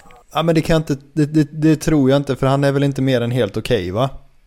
Nej, det är klart han inte är. Det, det hade bara varit nu, roligt. Nu, nu, nu, nu, nu är det här ett stök i sill. Vi går in i Carolas här. Så nej. Nej, men det, det som Blåvitt ska, ska lägga fokus på tycker jag nu, det är alltså att ta in alltså riktig spets. Mm. In, inte de här breddvärvningarna som jag tycker att Markovic är till exempel. Då är det bättre att lägga lite mer pengar på färre antal spelare i så fall. Men det måste vara riktig spets nu. Marcus Antonsson? Frågan är om inte hans ålder ändå sätter lite käppar i hjulet där. Trots att han öste in målen då. Han Blåvitt. fyller väl 32 till, till våren tror jag. Ja, det pratades ju om att Blåvitt tittar på honom. Vad ger du för uh, styrka i de ryktena? Ja, att Norrköping och Blåvitt tittar på honom. Norrköping har förstått är väl genuint intresserade. Ja. Men är Blåvitt genuint jag, intresserade? Jag har svårt att se det alltså. Trots att han gjorde så jäkla många mål alltså. Eh, de vill nog ha in yngre, yngre spelare även på den eh, positionen. Ja, nej men, och det känns ju som att hela centrallinjen vill vi egentligen förstärka. Visst, vi har Bångsbo och Kalle. Men vi vill ju ha Kalle någon som... Kalle gör en fin säsong, måste man ändå credda. Otroligt fin Kalle i år, tycker jag. Jajamän. Jättebra. Ja, jättefin Kalle. Men Bångsbo behöver ju någon som är som han kan eh, tävla med om sin plats Mm. liksom. Och någon som ligger lite närmare honom Mm. kanske. Och sen så, alltså vi behöver ju, ja men hela centrallinjen egentligen, en startspelare eller nära startspelare i varje. Så är det. En kille jag tycker har varit jäkligt duktig i Degerfors, det är ju Lagerbjälke. Okej. Men han tillhör ju Elfsborg ju. Ja. Så det är ju en svårlöst affär tänker jag.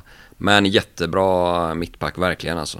Men har det inte ryktats om att storklubbarna är där och rycker redan? Jo, det har nog nämnts lite där faktiskt. Men Mm. jag har svårt att se att Blåvitt eh, knycker en spelare från Elfsborg alltså. En sån kille, jag vet att eh, Stig åkte ju en del till Varberg och kollade på matcher. En sån som eh, Luke Leroy som är i Varberg. Det är ju en kille som eh, var intressant redan i somras. Är det någonting som Blåvitt tittar på tror du? Det vet väl att också en- Malmö kikar ja, lite. Det är väl också en sån här breddvärvning snarare. Mm. En spets kan jag tycka alltså. För jag tänker lite grann, det är också en sån här fråga i silletider, vad IFK vill göra. Alltså, ja, jag köper ju att vi behöver spets för att plocka mer poäng, men ska man också tänka på att värva där unga för att bygga upp någonting? För det är någonting jag återkommer till så är det ju att Ja, IFK Göteborg kommer göra ett positivt bo- bokslut. Det kommer ju många bli väldigt glada över på årsmötet. Men problemet är, som jag återkommer, det är att de andra klubbarna gör större vinster. Och deras Ja. kassa växer ju ännu mera. Så även om vi gör en vinst, säg på mellan 5 till 10 miljoner, så Alltså gapet till de andra klubbarna växer. BK Häcken kommer göra ett jättefint bokslut. De gjorde en spelarförsäljning. Eh, Wålemark sålde väl för 40 miljoner i början av året Jajamän. till eh, holländska ligan. Eh, Djurgården med sin Conference League. AIK sålde ju starkt här nu till, under sommaren. Eh, Malmö eh, säger många, de har ju bränt massa pengar men de fick ju från ingenstans 50 miljoner extra för sitt Champions League-äventyr som inte de hade budgeterat för. Och jag kan ju tycka lite grann att jag, för nästa säsong med den här sillen som kommer, jag blickar inte uppåt. Jag blickar mer efter en strategi här nu, vad vi ska hitta på här nu kommande två, tre åren. Jag säger inte att vi ska in i något tålamodshärva, men däremot en tydlig plan att ja, men vi behöver ha den här kassan för att vi ska kunna göra större investeringar, för att där ta klivet. Sen är det klart att kan vi klättra nu upp till eh, bättre plats, jättebra. Men jag, vi har inte riktigt de pengarna just. Vi kan hitta någon spetsvärvning som du är inne på Marcus. Men vi kan inte värva ett helt lag och göra en jättestor skillnad. Då måste vi in med externt kapital. Ja, alltså jag, eh, nästan, helst så hade jag nästan velat ha en sportchef på plats. Det är nog min favoritvärvning, men nu tror jag inte att vi kommer ha det med den regimen som vi har. Jag tror att de är nöjd. Jag tror att de vill ha det så som de har det just nu. Men för jag vill också ha, jag vill ha en plan. Jag vill, jag vill Mm. kunna gå till Gamla Ullevi och säga att ah, men det här, nu torskar vi med 2-1, men jag ser, jag ser planen som de spelar efter. Jag kan se vad det är de vill liksom. Mm. Och jag fattar varför de värvar de här spelarna. För de passar liksom in med sina styrkor och svagheter i den här planen. Men nu klickade det den här gången. Men att man ser någonting tydligt som till och med jag kan se med mina klena fotbollsögon. Liksom. Typ så här spelar IFK Göteborg fotboll, alltså det kan man ju inte förklara. Man vet ju inte hur Blåvitt spelar egentligen. Nej, vi har ju bytt lite för mycket skepnad i år. Ja. Eh, hur, och det, det måste verkligen sätta sig. Och det sa Mattias Bjärsmyr förra gången att hans råd för nästa säsong var att sätt ett spelsätt och bibehåll detta nu. Stå fast vid det och kör den fullt ut. Det var ju hans tydliga rekommendation för nästa år och det utgår ju han från vad han har upplevt själv nu de senaste åren. Men vi har ju förändrat skepnad väldigt mycket. Men det, det är det som är intressant det här sillefönstret. För att för mig så är det nu verkligen att nu har ju Stig varit med ett tag. Håkan har ju suttit här i snart två år. Stara har vi haft med ett tag. Det är nu det jag verkligen vill se att det vi värvar in fyller en funktion. Att det finns en strategi bakom den värvningen. Och det, det blir lite grann på riktigt nu. Jo men du har ju dels det som, som man ser på planen eller inte ser på planen eller hur man nu väljer att se på det. Men sen har du också om man tänker BK Häcken. Där har du eh, en jätteförsäljning i Vålemark men då står ju nästa person på tur. Då står ju Uddenäs där och väntar. Eh, och om man då tänker Elfsborg så har du Jesper Karlsson. Och men då har du, då har du Ondrejka och eh, Bernhardsson som står och väntar och är jätteredo. Kan, antagligen till och med någon av dem kommer ju vara nästa stora försäljning. Eh, I Blåvitt kämpar man ju för att överhuvudtaget få den här riktiga spetsstartspelaren. Det är inte någon som står på tur någonstans. Men det, det är det jag återkommer också. Om vi tar Häcken och vi tar Elfsborg som du säger Daniel, väldigt klokt. Det är just att det finns en strategi. Gemensam nämnare är att ja, Martin Eriksson, ny sportchef. Men det är det här med kontinuiteten som de här klubbarna har lyckats med. Elfsborg har ju Andreasson, de har liksom bibehållit en plan över tid. Djurgården har Bosse.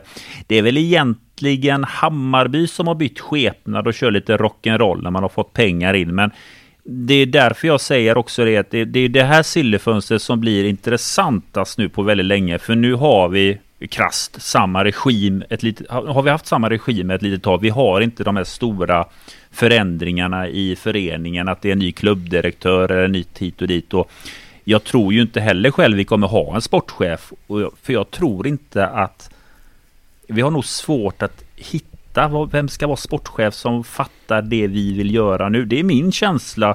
Får du den känslan Marcus att man ens tittar efter en sportchef? Eh, jag pratade med Håkan Mild om detta igår och han sa att det inte är prioritet just nu. Det sa han i somras med. Ja, jag tror inte det kommer in någon sportchef nu i, i vinter utan de kommer köra på nu. Mm. Eh, det känns också som att det verkligen är upp till bevis kommande säsong nu för både Håkan Mild och även för Mikael Stara. Så jag tror inte Stara har jättelång tid på sig att visa att han kan få detta laget att, att lyfta. Alltså, jag skulle säga max till, till sommaren. Alltså. Eh, ryktet då, på tal om det här, det pratades ju om att man tittar på tränaralternativ, på tal om Mikael Stare. Vad var det för rykten? Var det att man ville göra om tränarorganisationen eller var det att man tänkte att Stare ska få foten när en ny huvudtränare ska in? Alltså man har kollat på, skannat av marknaden så att säga helt enkelt. Kollat mm. vad det finns för alternativ. Vilka skulle kunna vara tillgängliga? Man gör också en utvärdering av tränaren såklart. Det är ju standard oavsett hur det har gått såklart. Eh, jag tippar på att Stare med 95% eh, sannolikhet tränar Blåvitt i januari igen. Mm. Men klubben har ändå tittat på tänkbara alternativ. Okay. Mm. Ja, det är inte så att man har bestämt att Stare ska få sparken eller någonting. Jag tror inte, jag tror inte att någon kandidat ens är, är tillfrågad sådär. Utan Nej. man är på ett övergripande stadie där man kollar lite. Mm. Eh, ett namn som, som jag vet skulle kunna vara intressant för Blåvitt är ju Torup som fick sparken i FC Köpenhamn va? Jaha. Han som tog laget till Champions League ja, och precis. vann ligaguldet för FC Köpenhamn som fick sparken här för en kass ligastart. Det skulle kunna vara ett sånt eh, alternativ. Och även såklart då Henrik Rydström om inte han hamnar i Malmö FF till slut då. Men eh, det är i alla fall namn ändå som finns med på en eh, på någon sorts eh, lista det är ändå väldigt hög hylla får man ändå säga att man tittar på en som har tagit en, ett lag till Champions League. Det är ju starka papper i skandinaviska mått att ta ett klubb till såväl ligaguld och CL-spel. Men det är klart att alltså Blåvitt kollar brett och sådär. Det, det, det, känns som, som standard att man gör det ändå. Mm. Speciellt när det gått då lite knackigt ändå med en åttonde plats Att man ändå kollar av marknaden typ. Men du ger inte Stare, men din personliga bedömning är att Eh, Stare behöver en bra vår helt enkelt. Annars så kan vi nog ha en ny tränare. Det på...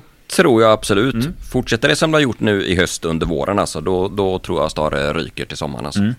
Kan Håkan sparka Stare och sitta kvar själv? Ja, det kan han nog ändå tro. Han är så mm. pass, mm. så pass stark eh, på något sätt. Eh, det är väl upp till styrelsen att utvärdera såklart, men ja, det tror jag nog han kan göra ändå. Jag tänker på en sån grej. Mats Gren hade ju också det när han anställde Jörgen Lennartsson. Det var ju verkligen en tränare han brann för och det var ju han som skulle ersätta Stare på den tiden. Men det var ju Mats Gren som sparkade Jörgen Lennartsson efter Örebro tror jag det var när vi förlorade stort. Så det går och Grenen var ju kvar ett litet tag efter det. Ja, och på tal om Örebro, hur farligt är det att hamna åtta en säsong till? Om vi försöker eh, eh ta den lite snabbt. Eh, Örebro var ju nia. Ja just det. alltså Blå, Blåvitt kan väl aldrig bli Örebro tror jag inte hur mycket man än eh, vänder och vrider på det. Sen tycker jag också vi ska nämna publiksiffrorna i år. Alltså, de är ju mm. makalöst bra med tanke på hur det stundtals har sett ut spelmässigt då. Ja. Snittar nästan fem, 15 000, det är superbra. Ja, det, det är det verkligen. Jag är lite nyfiken på hur det kommer bli med eh, årskortsförsäljningarna nu nästa år. För om, om det hade följt någon sorts logiska mått så hade vi ju backat med årskort då.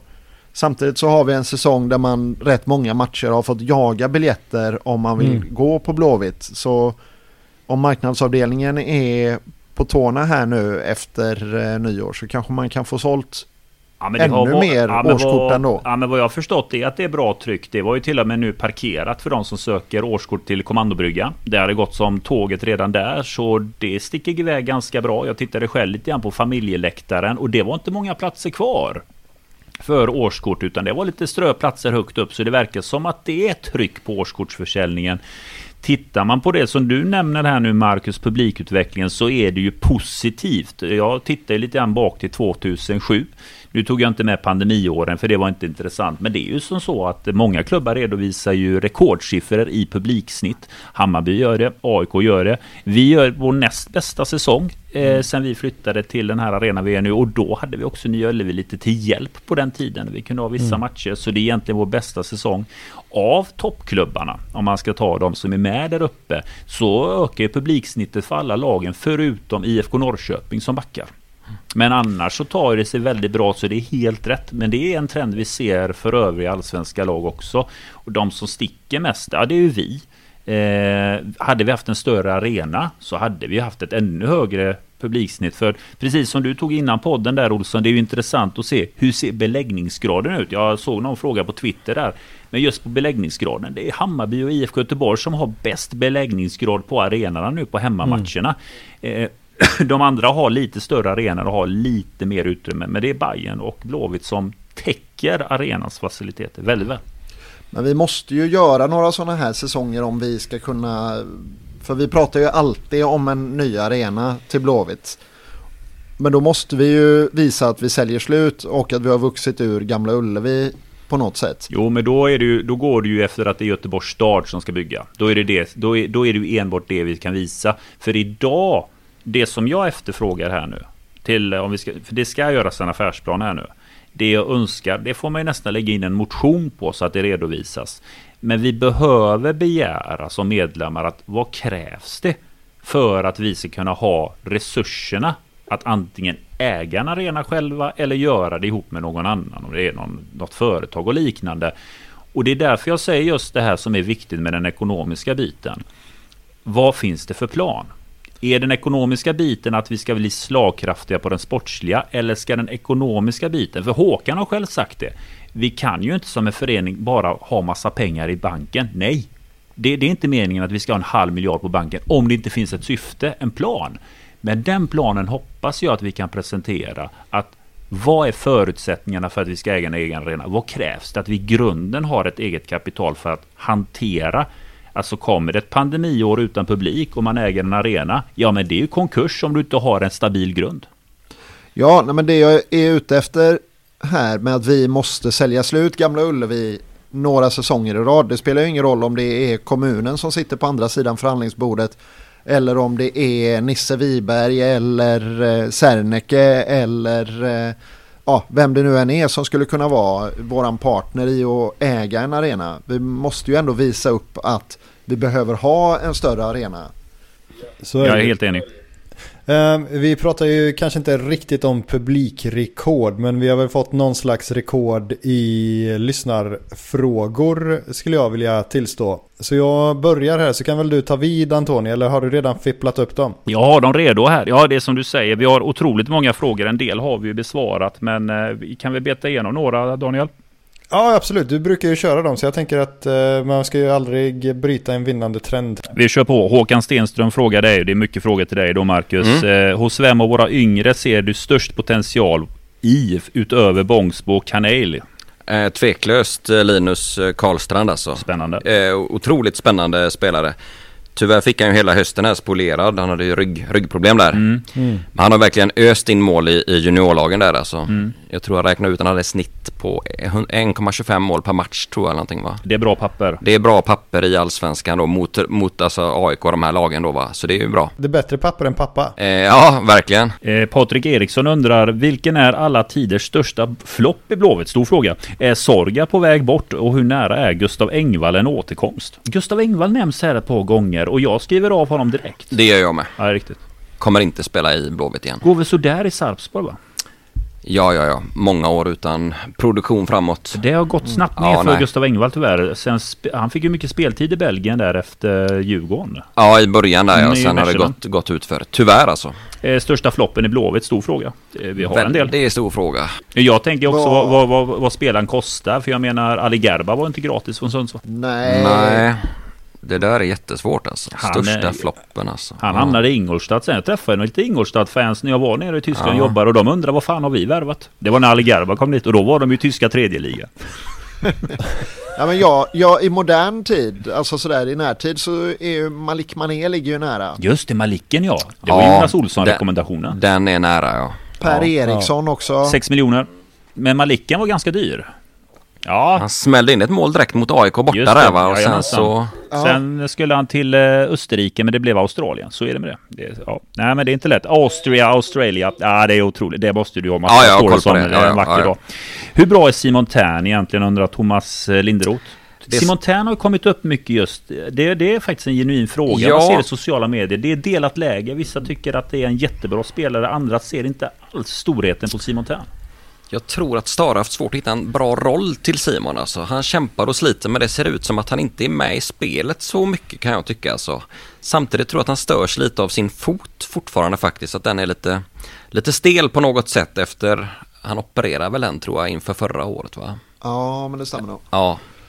Eh, men jag tror att Stara får jobba lite med hans roll på något sätt på planen. Alltså i grund och botten ska ju han vara en klassspelare i Allsvenskan alltså. Ser du honom lite högre upp på banan än... Jag upplever att han har varit ganska långt ner ihop med Gustav Svensson och att det inte riktigt har funkat. Men när han har fått vara lite högre upp, att han är lite kreativ, lite mer ensam i sitt spel. Precis, jag kan tycka att Gustav klarar av det defensiva själv där Helt centralt riktigt. alltså.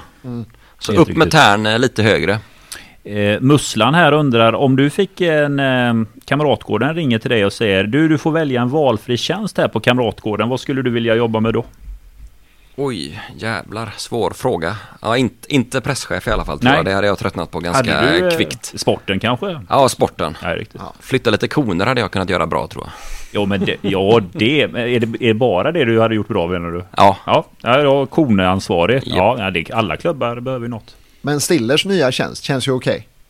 ja det är nog en eh, lite mysig tjänst sådär med. Han är lite Alf Westerberg va? Ja, är han inte det? det känns som att det är den rollen Är han har det fått. en nedgradering eller är det att man ska komma lite närmare klubben och eh, sen accelerera till någon form av sportchefsroll, den typen av tjänst? Svar nej. Kan kanske vara det faktiskt. Tror du inte det?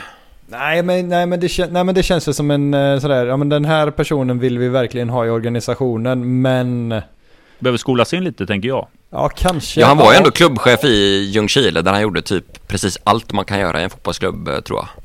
Det är, fakt- det är sant, jag backar. Där var just en fråga Fredrik Andersson ställde där, varför Stiller blir team manager. Men sen ställer frågan här, Fredrik Andersson undrar, varför tar man in Lundin och Lee Baxter? Ja, det är väl lite för att röra om i grytan tror jag helt enkelt. Lite, lite färskt eh, blod och sådär. Eh, Lundin har ju varit på tapeten ett tag. Det pratades ju Ja, om honom för lite tag sedan redan. Sen tror jag att de gillar att Lund- Lundin har varit eh, huvudtränare i så många år med. Mm. Och att han, jag tror han är rätt eh, tuff också. Jag tror att han kan sä- säga emot Mikael Stare. Så att han liksom inte bara är en sån där ja-sägare typ som köper allting som Micke säger. Utan det kan bli lite dynamik där tror jag sådär. Och att det på något sätt då kan lyfta laget, kanske då. En Trollhättan-gubbe till också. Ja, det är ju det. Ja, det är svårt att inte göra den kopplingen alltså. Det... Men eh, vad vet vi om Lundin som tränare? Är det en offensiv prägel på den honom som tränare eller har han med en defensiv prägel? Nu har inte jag sett Trollhättan så mycket för att kunna uttala mig om det, men jag tror nog han är lite mer defensivt lagd än offensivt. Ja lite eh, åt Stare-hållet. Eh, Ja, sådär. okej. Men Säkra för- eh, med, med lite mer ehm, eh, fantasi framåt tror jag. Okej. Han verkar vara ganska så här frispråkig med. Jag pratade med honom här för några dagar sedan och han sa att jag kan tillföra ett väldigt bra ledarskap. Så det Ja, härligt. Ja, själv, kommer in med självförtroende. Lee Baxter känns ju också som en som kommer in med enormt självförtroende. Eh, I alla fall när man ser honom på LinkedIn. det, Ja, det har jag missat i så fall men... ja, nej men det, han har ju... Men Lee Baxters resumé, han har väl varit lite utomlands och jobbat också? Det Sy- Sydafrika. Det, precis, för man gör ju direkt AIK-kopplingar att det är där han håller till. Men Sydafrika var det i, ihop med pappa då, som har också huserat i Sydafrika. Jag vet ej alltså. Kaiser Chiefs va? Storklubb i Sydafrika, det är en av de största i Sydafrika. Jag tänkte mer på dem än AIK. Körde inte han den ovanliga att han var i klubblag och landslag samtidigt? Jo, det stämmer nog. Okej. Nej, men man ville väl röra om i grytan på något sätt där tror jag. Sen Remner, Stefan då, han var ju väldigt uppskattad på, på Kamratgården alltså. Mm. Jag tycker själv att eh, han verkar vara en kanongubbe på alla sätt och vis. Alltså sprider bra stämning och sådär. Och Mm. verkar ha gjort ett bra jobb också med målvakterna. De verkar gilla vad, vad han gör och sådär med. Mm. Men han fick alltså inte eh, förlängt. Jag vet att folk har undrat det, om han Ja. lämnar Mm. eh, självmant eller inte. Men nu var det så att klubben valde att, att bryta här helt enkelt för att få in någonting nytt, göra någonting annorlunda. Mm. Okej. Ja, man ville Ja. bryta en trend kanske av något lite slag. så. Eh, Blåvitt lunch undrar om du kommer på fredagsavslutningen? Ja, kanske det. Mm, det är dags att boka, det är inte många platser kvar så då får du dra ett mail till dem och bestämma vad du ska äta. Jag själv har beställt schnitzeln så det ska bli trevligt. Jag kör ju vego som vanligt. Det är riktigt.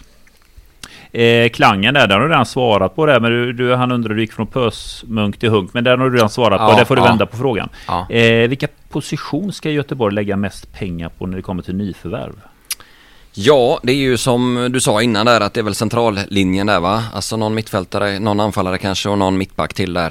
Eh, Men det är väl offensivt, det brukar kosta mest pengar helt enkelt. Dan Ahlman har ju ställt en hel del frågor, men just den här frågan som blev ganska het potatis var ju det här med målvaktsfrågan. Eh, fanns det någonting, tror du, som låg till grund att man inte valde att förlänga med Van- Werner Hahn, förutom då att man redan har en duktig målvakt i form av Pontus Dahlberg? Att det skulle vara någon schism där då på något Ja, sätt eller? av något slag, det eller? vet jag inte faktiskt. När Så- det, mm, Alltså känslan är väl att eh, när Werner Hahn säger att nej men jag har omvärderat mig själv i förhållande till ligan och den här klausulen. Där han säger att nej men jag vill förhandla igen. Och Blåvitt säger ja visst vi kan prata. Så börjar de ju såklart titta sig runt efter alternativ. Och Pontus hör av sig. Jag tycker inte att det är så märkligt den här affären. Jag tycker att den Inte känns, alltså, den känns rätt så rimligt att det blir så här. Sen är ju Dahlberg från våra egna led och Håkan Mild är ju en stark person som säger att man vill ju, man har jag tror ju fortfarande att han har som strategi att man ska ha mycket egna produkter och en egen produkt är också en som har varit utomlands och kommer hem. Att det är det som IFK Göteborg starkt ska associeras med att vi ska ha mycket egna produkter i startelvan. Ja och vi kan inte ha två målvakter av den här kalibern. Det är, Nej, det blir är konflikt. typ bara Malmö som kan det. Sen är det svårt att veta hur turen har gått exakt där va? Och det. Mm. hur mycket han krävde i lön och sådär. Men eh, ja, Eh, hur tänkte, Dan Ahlman undrar här, hur tänkte man med värvningen av Sulle? Enligt rykten som florerar ska fysteamet ha motsatt sig den värvningen klart och tydligt. Ja, det var det vi var inne på där med antal kilon där. Mm. Eh, men jag tror nog ändå att de såg eh, ganska mycket potential till en ganska rimlig eh, peng ändå. Alltså, det är inte så att han kostar multum när han kommer hit när han inte spelat i Tyskland på ett par år till och med. Mm. Utan jag tror att man, man chansade lite helt enkelt. Mm. Och Stig har ju ändå bra koll på honom från början. Ja, det är från Stavanger-tiden. Ja, men det, det är ju klart att eh, det fysiska är ju det, det är nästan det viktigaste i dagens fotboll va? Och funkar inte det då funkar inte mycket annat heller. Helt riktigt. Så ja, de kanske hade rätt där, fysteamet då. Eh, Sebastian Olsson eller Emil Salomonsson, vem tar egentligen platsen på högerkanten? Skitsvår fråga alltså. Just nu skulle jag säga att Emil ligger lite före för att han har gjort en bra höst och sådär och, Mm. och inne i det så att säga. Men Ändå en bra fot på Emil Salomonsson måste jag ändå säga. Inläggsfoten sitter ju där den ska. ja, ja. Men Sebo gjorde ju en hel del assist och en del mål sist han var här på kanten också. Ja, men det blir och bra har konkurrens. inte gjort bort sig i Zweite. Nej, det har han verkligen. Innan skadan var han ju fullkomligt given och jag menar det var ju större chans att han hade hamnat eh, kvar, äh, varit kvar i tyska ligan, kanske till och med ett Bundesliga-fönster. Så bra han gjorde det innan skadan Han spelade ju kom. mot Haaland i vintras där och gjorde det bra ju. De vann ju mot Dortmund i, i cupen Så är där. det. Det är riktigt. Det är riktigt. Sen kan också Sebastian gå upp ett steg eh, kan jag tycka. Ja, men jag tänker högerkanten ja, där. Ja, och även centralt mittfält om det skulle knipa kan jag tänka mig. Ja. Eh, mannen med ett otroligt vackert eh, Twitternamn, Kabasamura med pannbandet undrar bli, Kommer GT lägga mer fokus på damlaget nästa år? Fantastisk division 1-serie som vi har att se fram emot. Malmö FF, ÖIS, BK Häcken, eh, Eskils minne ska IFK Göteborg spela i. Det är otroliga matcher. Vi, ja absolut, vi kommer nog inte bevaka dem eh, veckovis så att säga. Däremot fler eh, punktinsatser kommer det nog bli tror jag. Mm. Nu börjar de bli intressanta på riktigt tjejerna. De har gjort det fantastiskt bra hittills. Mm. Alltså. Jättekul att se. Och de spelar ju sån härlig fotboll med. Verkligen. De är så välskolade och ambitiösa med sin fotboll. Mm. Ja, underbart att se. Ja, häftigt att se. Ja, men det var de frågorna. Mm. Jag lyfte fram där Daniel, tiden går ju. Det var många det. frågor den här gången. Det är kul. Silly season är het, eh, Marcus. Ja, jättekul. Eh, två spelare med. Jag tycker Blåvitt borde ändå kolla lite närmare på, även om det inte är jätterealistiskt kanske, så är det två från Kalmar som jag gillar väldigt mycket. Mhm. Oliver Berg Just. är ju grym, han gör massa poäng och kostar ju säkert multum. Men även då den här lite yngre killen, Carl Gustafsson på det centrala mittfältet. Han är bara 22 år, helt given och har varit det nu i Mm. två säsonger tror jag. Eh, har kontrakt ett år till. Mm. Skulle kanske, kanske gå att köpa loss. Men varför skulle han vilja byta en fjärde plats mot en åttonde plats? Nej, men det innebär ju också att man har, man har en chans att hamna i Europa om någon av topp tre-klubbarna tar kupptiteln. Då blir det faktiskt eh, spel i Europa. Alltså jag tror ju fortfarande att det sitter fler agenter på Gamla Ullevis läktare än på Guldfågens läktare. Så är det såklart. Men ja, väldigt duktig spelare som jag tror hade kunnat göra jätte- jättemycket bra för IFK Göteborg. En fråga jag har, eftersom vi är beroende av spelarförsäljningar. eh, Ser du någon i truppen som blir som vi kommer att göra en jättestor spelarförsäljning av till nästa sommar? Ja, det skulle vara Johan Bångsbo i så fall väl. Mm. Men det kanske också är lite, lite tidigt kan jag tycka. Eh, ja, För jag tycker ju att när, det blir ju lätt så här att han gjorde ju en fantastisk start eh, när han petade Bjärsmyr. I den åldern så tycker jag att det är ganska vanligt att en ung spelare är ju inte jämn. Utan man har det här att det sticker upp bra och sen så kommer det en formsvacka. Men då är det viktigt att man ger kontinuitet och speltid. Eh, en bra vår för Bångsbo. Jag tror allt att det kan bli en stark sommar, ett starkt sommarfönster på en sån spelare som Bångsbo. För han har många attribut som är rätt. Men en rätt vår så kan det nog allt landa Ja. över 40 miljoner. han behöver bli lite tuffare i duellspelet och lite, lite snabbare kanske. Eh, Jag vet en klubb som har varit på Gamla Ullevi ganska mycket eh, den senaste tiden och spejat och det är Feyenoord. De har kollat på Bångsbo och även på Kanel då såklart för de är Kanel ju, unga och, ja, ja. och lovande. Kanel är ju mycket holländska aura. Men det, det är visst, jag är inte Ja. överraskad att Feyenoord är här och tittar. Det är, och Feyenoord köpte ju Wålemark. Eh, det var ju 40 miljoner han gick Japp. för. Det var Häckens största försäljning. Så ja, Feyenoord satsar i det svenska fönstret. Vi säger väl eh, tack så mycket för att du tog dig tid eh, igen eh, Marcus Vulkan. Tack själv, alltid kul att komma hit. En, en snabb fråga där. Vågar du? Jag ser att det är ju en del, journal, en del inom media som har tippat tabellen här nu. Vem vinner guld nästa år? Åh herregud. Jag svarar att BK Häcken vinner igen. Om de får behålla den mittfältstrion. Okej. Så humlan flyger fortfarande alltså. Jepp. Ja, Jag tror inte på BK Häcken och det är inte populistiskt. Eh, Och det är för att uppstickare som tar snabba kliv upp tappar en del spelare och eh, men de kommer vara med där uppe. Men jag tror inte de vinner guld. Men vem som vinner för tid, ja, det är ju silly season Ja, ändå. fegis, fegis. Så du kräver av Marcus att han ska tippa men vågar inte tippa själv Ja, alltså? men han tippar ju Häcken varje år. En gång, till slut fick du rätt. De kommer nog sälja Jeremejeff tror jag i vinter. Vilket fönster blir det tror du? Hamnar han i Mellanöstern och cashar hem eller blir det någon stark europeisk liga för honom? Ja, du. MLS är ju klockrent för en Ja. sån. Quakes. Han vill nog i alla fall ha ett bra kontrakt snarare än en sportslig utmaning i den här åldern. Det är min känsla i alla fall. Men om de nu säljer honom i vinter så finns ju ersättaren redan klar som ni var inne på det tidigare, Benny Traoré efter, efter benbrottet där. Han var ju tänkt att starta redan i år. Mm. Eh, Men så åkte han ju på det benbrottet då. Men han kan ju mycket väl ösa in mål nästa år för BK Häcken. Mm. Quakes, San Jose Quakes. Earthquakes behöver ju en målskytt. De är ju sist i Western Conference. Har inte riktigt lyft efter Stare där. Så det, de är definitivt behov av en striker. Kanske cashar in på Jeremejeff. Eh, och eh, jag läste att eh, bottenklubbar är ju attraktiva. Ja, eh, Jaeze är ju på väg till DC United. Det är väl klart Ja. det. Done deal som de säger i silly-säsongen. Ah, de är ju sist i Eastern Conference. Härligt att snacka MLS. Det är underbart. det är bara jag som nu, tycker det. Nu, nu stänger vi. Nu, nu rycker vi Matanovic mick Ja. här. Tack, tack. vi. Jag är inte med nästa avsnitt. Stort tack. tack så mycket för att uh, just du har lyssnat. Uh, tack Olsson. Tack Matanovic. Ha det gött. Tjena. Ha det gött. Ha det gött. Hej. Hur är din form? Eh, jo, men uppåtgående då. Nej.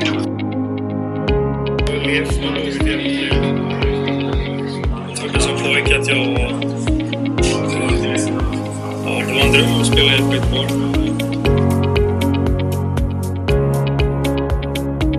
Håkan Mill. Det är ju bara att instämma med vad Håkan säger. Jag fått göra det som du får göra det som... Eh, sen, jag blev förvånad att vi kör eh, två centralt. Att vi inte kör eh, 4-3-3 uppställningen och kör tre centralt när vi spelar borta på konstgräs. Nej, 4-0. Alltså det, det är väl det vi tar. En professionell och professionella människor som kommer in. Olsson, hur läget med dig? Matanovic, Stort tack, bra, kul att vara här. Vad kan man ta med sig då? Jag tar med mig att Sebastian Eriksson spelade 35 minuter allsvensk fotboll. Faktiskt det. Det är ju inte många år man ska vrida klockan en spelaraffär in till allsvenskan över 10 miljoner, det skulle nästan vara otänkbart. Det är många klubbar som senaste boksluten redovisade rekordsiffror och det ser vi nu att det börjar faktiskt spenderas. Eh, nej men det är ju en sån liga som är lite grann som Championship var förr. Fullt ös, inte riktigt eh, hållt tätt bakåt. Utan eh, ja, raka rör och rätt på. Det är ni som är de konstiga och sådär. Exakt. Thåström, Ja. ja. Lite positivt var ju att det är rekord i redovisat eget kapital. Det har vi inte haft sedan jag tittade tillbaka 2007. Tack själv då.